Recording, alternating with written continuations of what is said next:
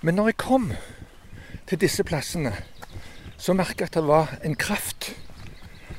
Det var et eller annet som Ikke alle plassene, men flere plasser. At det var en åndelig kraft på disse plassene.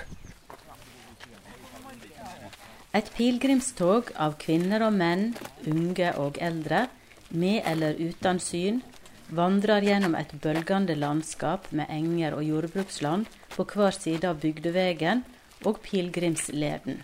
Men turen starta ved St. Petri kirka på Tingelstad, der det var diakon Lene Rødningsby fra Gran menighet som møtte oss. Jeg heter Lene, og jeg jobber som diakon her i Gran. Og akkurat nå så er vi på Tingelstad i Gran kommune og utafor Sankt Petri kirke. Og i Gran kommune her som jeg jobber, så er det Det er ikke en så veldig stor kommune, men vi har ni kirker. så, så, det er mange, mange kirker å jobbe i. Og dette her, Sankt Petri som vi står utafor nå, er den tredje eldste kirka. Så det er ikke den eldste vi har.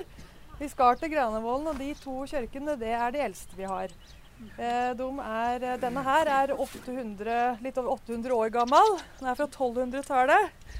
Og den ser omtrent ut sånn som den gjorde når den ble bygd. Så her har det vært skifta spontak nå, så det blir uh, godt holdt ved, eller godt vedlikeholdt her. Um, rett på nedsida her så går pilegrimsleden rett forbi. Og så ligger det et folkemuseum på, også på andre sida av kirka her, som har uh, omvisninger her i, uh, og litt om hvordan det var å bo her på Hadeland for, for lenge sida. Sankt Petri den er jo i bruk fortsatt, ikke året rundt. Eh, den blir brukt mest på sommeren til noen gudstjenester, og så er det jo en del vielser, da, for det er jo ei fin kirke. Den er veldig spesiell. Uh, med veldig høy dørterskel inn her, så jeg har sett uh, flere bruder snubla inn her. uh, og, men den er uh, veldig annerledes enn flere av de andre kirkene vi har her. men den blir brukt på sommeren. Vi skal bl.a. ha en ordinasjon av en ny prest som er nå her i, i juni. Da blir denne kirka her brukt. For hun skal jobbe her i Gran Tingelstad. Da kan jeg fortelle deg at vi har en tilsvarende kirke som uh, bare brukes om sommeren, og det er Bønsnes kirke i Hole. Ja, ja.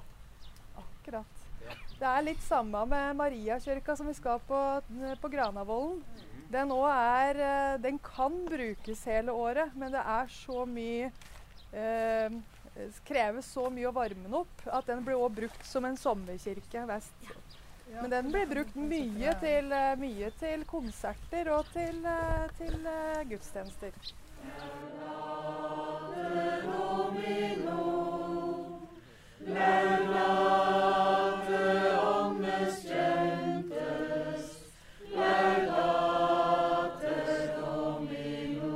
Legg gjerne på flere stemmer.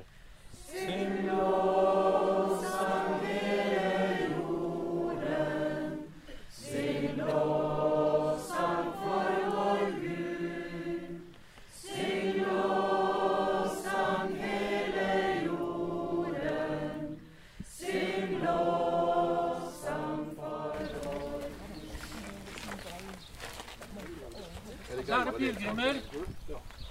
vi mot Granavolden.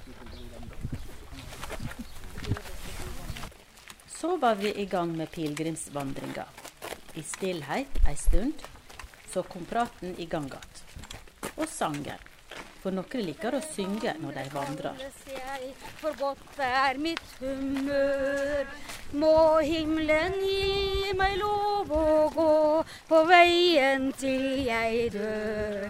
Faller i, faller av, faller i, faller av, faller i, faller av. Der liker jeg å gå. Tungt å synge når den går. Alle versa, Solveig. Du har gått pilegrimsvandring før, du? Eh, ja, ja, på en, en slags Jeg har ikke vært med på Du var ikke med på Nidaros i Nei, fjor? det var jeg ikke. Men jeg har gått eh, i Trysil, og da gikk vi fra Storsjøa til Nygarden. Eh, så vi hadde sommerskudstjeneste. Så da gikk jeg i skogen i, i myrlendt terreng og stubber og stener og røtter. Så det var en form for pilegrimsvandring det òg, da. Hva syns du om eh, opplegget her da i dag? Jo, jeg syns det er fint. Det er litt vanskelig å ete når man går, da. Det er det eneste som Ja, kan være litt ikke helt ferdig med lunsjen? Nei, så det var litt stressende akkurat det. Men ellers så, ellers så syns jeg det var veldig fint. Lenger framme møter jeg et par nye KAB-medlemmer, men erfarne pilegrimer, som har hatt spesielle opplevelser på sine vandringer. Ja, jeg heter Kjell Helgeland, Og er ifra Ifra Sandnes. ja, Og kona di? Og hun heter Oddbjørg. Og vi har vært gift i slutten av måneden i 50 år. Å, gratulerer. Jo, takk for det. Ja. Og nå, nå er vi eh, midt i denne vandringa fra Tingelstad kirke til Granavolden. Og det er vel bare for småtteri å regne i forhold til det dere har gjort før. Nei, egentlig ikke.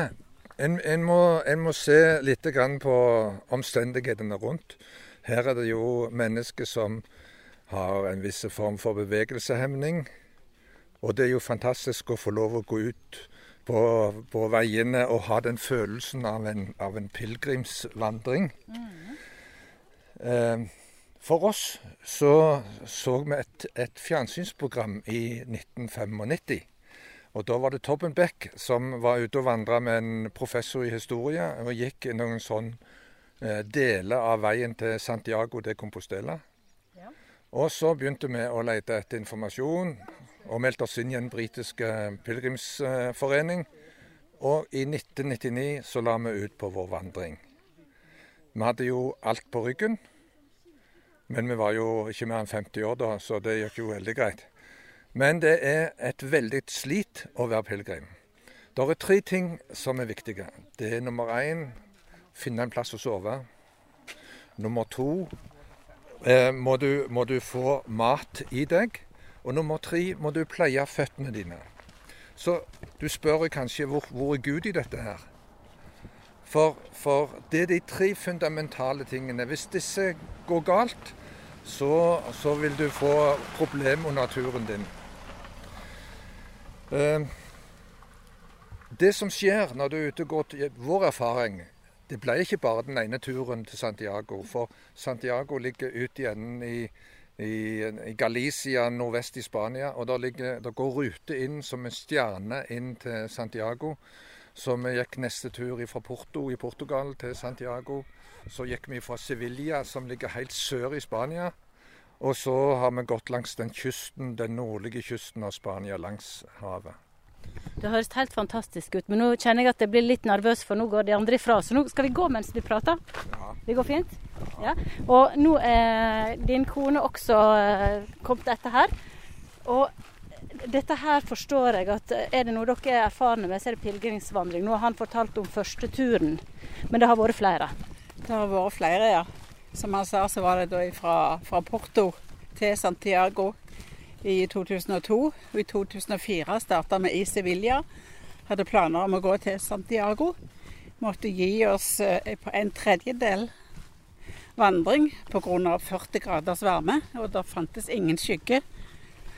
Og eh, vi reiste tilbake i 2006. Da ble han syk. Så reiste vi tilbake i 2010 og tok resten av den turen.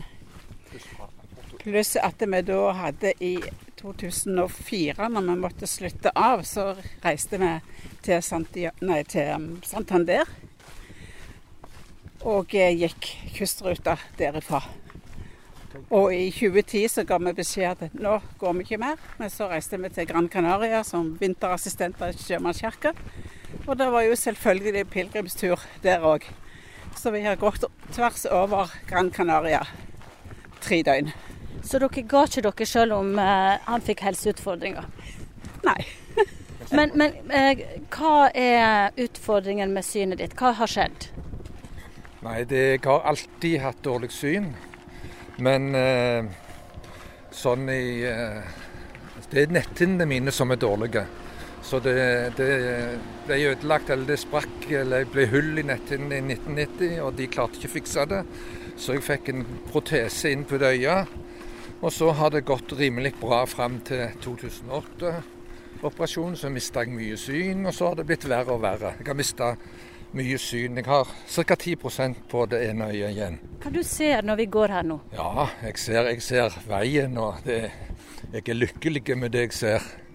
Ja, jeg er lykkelig.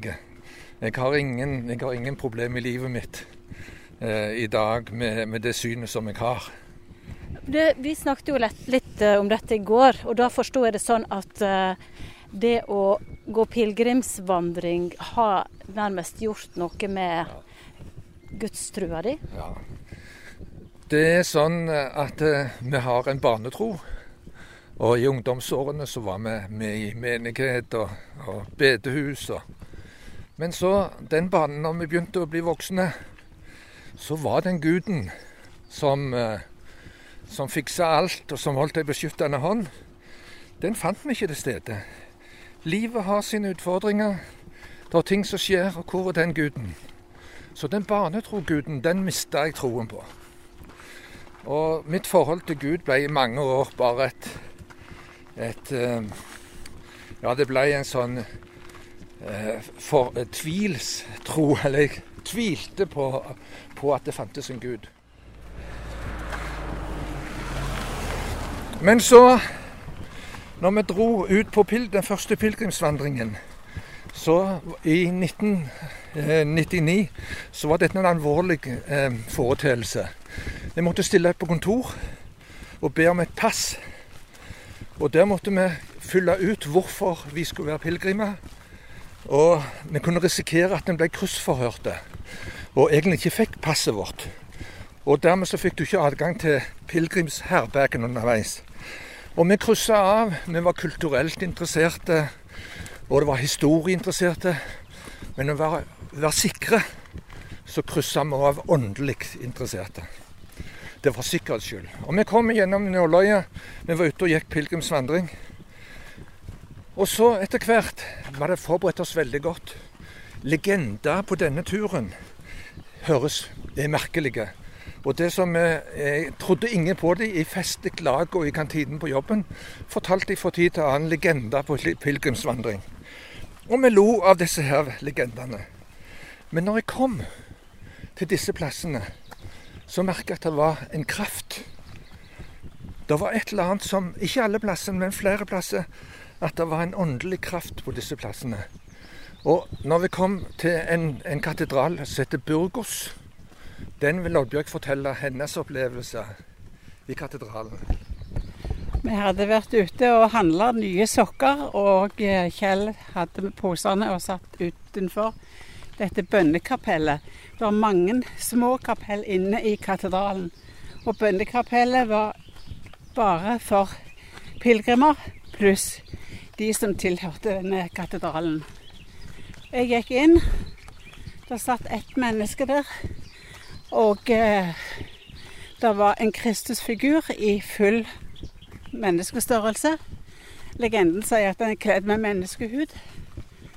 Men det som jeg opplevde der, det var at når jeg satte meg ned, så hører jeg en stemme som sier Dette gjorde jeg for deg. På norsk? På norsk. På min dialekt. Og da tenkte jeg OK, takk. Så det var det. Så det var, det var sterkt. Ja, det var det. Så da rant jo tårene når jeg kom ut igjen til han, og han forsto ingenting. Det var en for grått bjørk som kom ut fra det kapellet. Og for mitt vedkommende, når vi kom til Santiago og gikk opp, tok hånda på Portico de Gloria, herlighetens port, inngangen til katedralen, og gikk oppover gulvet, så brast det inni meg. Og dermed så ble det endringer i livet vårt. Vi reiste hjem og begynte i menigheten, og etter den tid har vi vært i kirka mellom to og tre ganger i uka siden de siste 20 åra. Så sånn, det vi sier ris eh, pilegrimsvandring er en risikosport. Du kan risikere å bli, å bli eh, skikkelig kristen og tente og, og være overbevist at det finnes, det finnes en Gud. Og når vi er ute og går, hvis det er etter ti dager cirka med slit, så åpnes det en, en gateway opp til Gud. Vi trenger ikke streve eller noe sånt. Vi har Gud midt iblant oss når vi går. Vi spør eh, Nå trenger vi en, en veivisning på ruta, og vi får den. Enten du tror det eller ei. Vi har en drøss med historier som viser at, eh, at det fins en Gud. Beviselig for oss. Ja.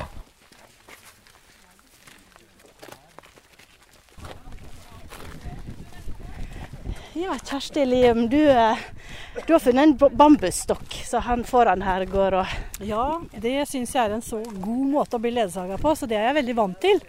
Og særlig når det er smal sti, så er det det beste, syns jeg, da. Har du vært ute på pilegrimsvandring før? Ja, jeg var så heldig at jeg var en av de ti synshemma som fikk gå med KAB i fjor, eh, i Trøndelag. Så det var mitt første møte med å gå pilegrim. og Ellers så går jeg jo mye i skog og mark, men jeg syns det her er veldig flott å være med på. Så fjorårsturen ga mersmak? Å ja, helt sant.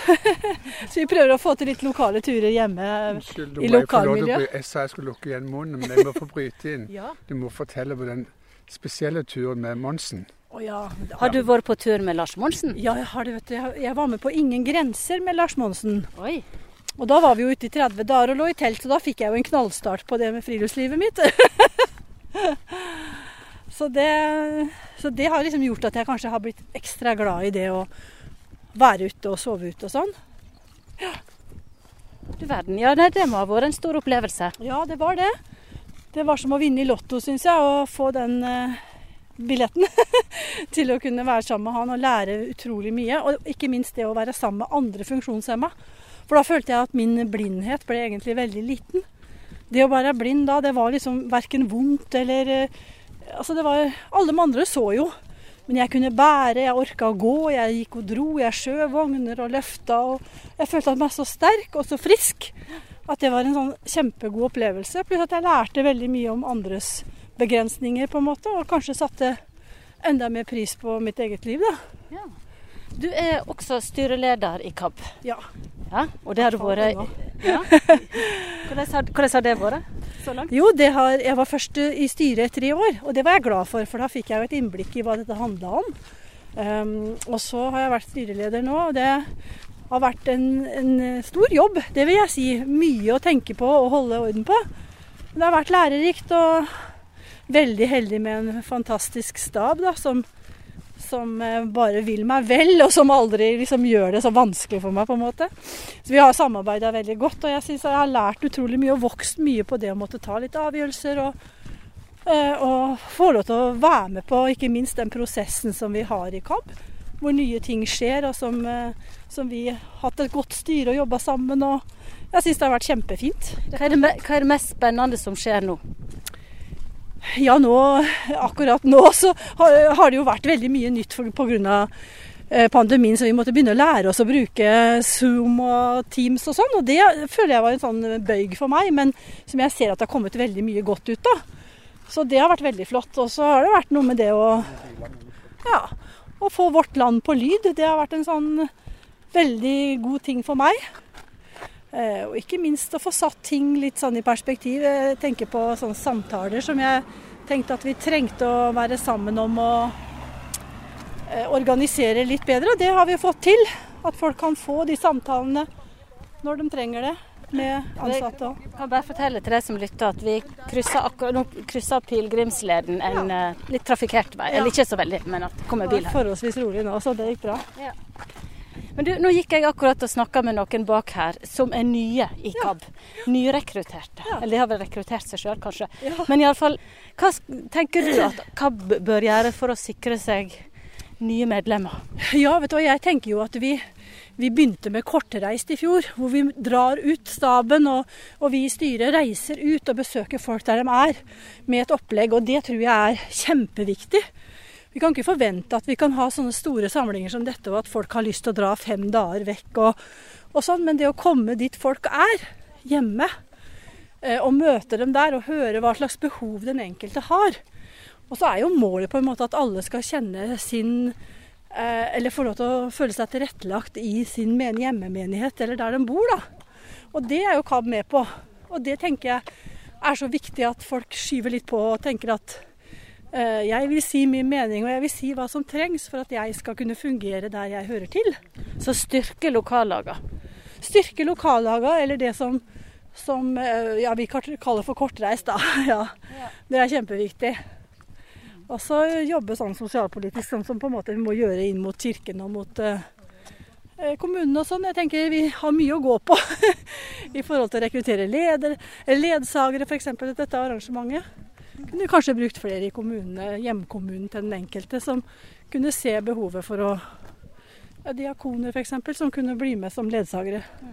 Men uh, KAB er ikke så veldig kjent. Hva kan en gjøre for at har vært ganske små, da. Så det har vært en liten sånn en forsiktig klubb oppe i Askim. Nei, så jeg håper jo at vi blir mer synlige, i hvert fall i Kirke-Norge. Og, og, sånn ved å komme mot, til Oslo. Ja. Og så må vi jo Mange av oss er jo med i Blindeforbundet også, så vi må være stolte av KAB og fortelle om det der. Nå har vi en uh, liten oppoverbakke, liten, uh, lita bratte her, så nå kanskje du skal få lov å gå uten å snakke. Ja, det går helt fint. Må ha med litt pust. Ja, det er det naturligste av. Ja.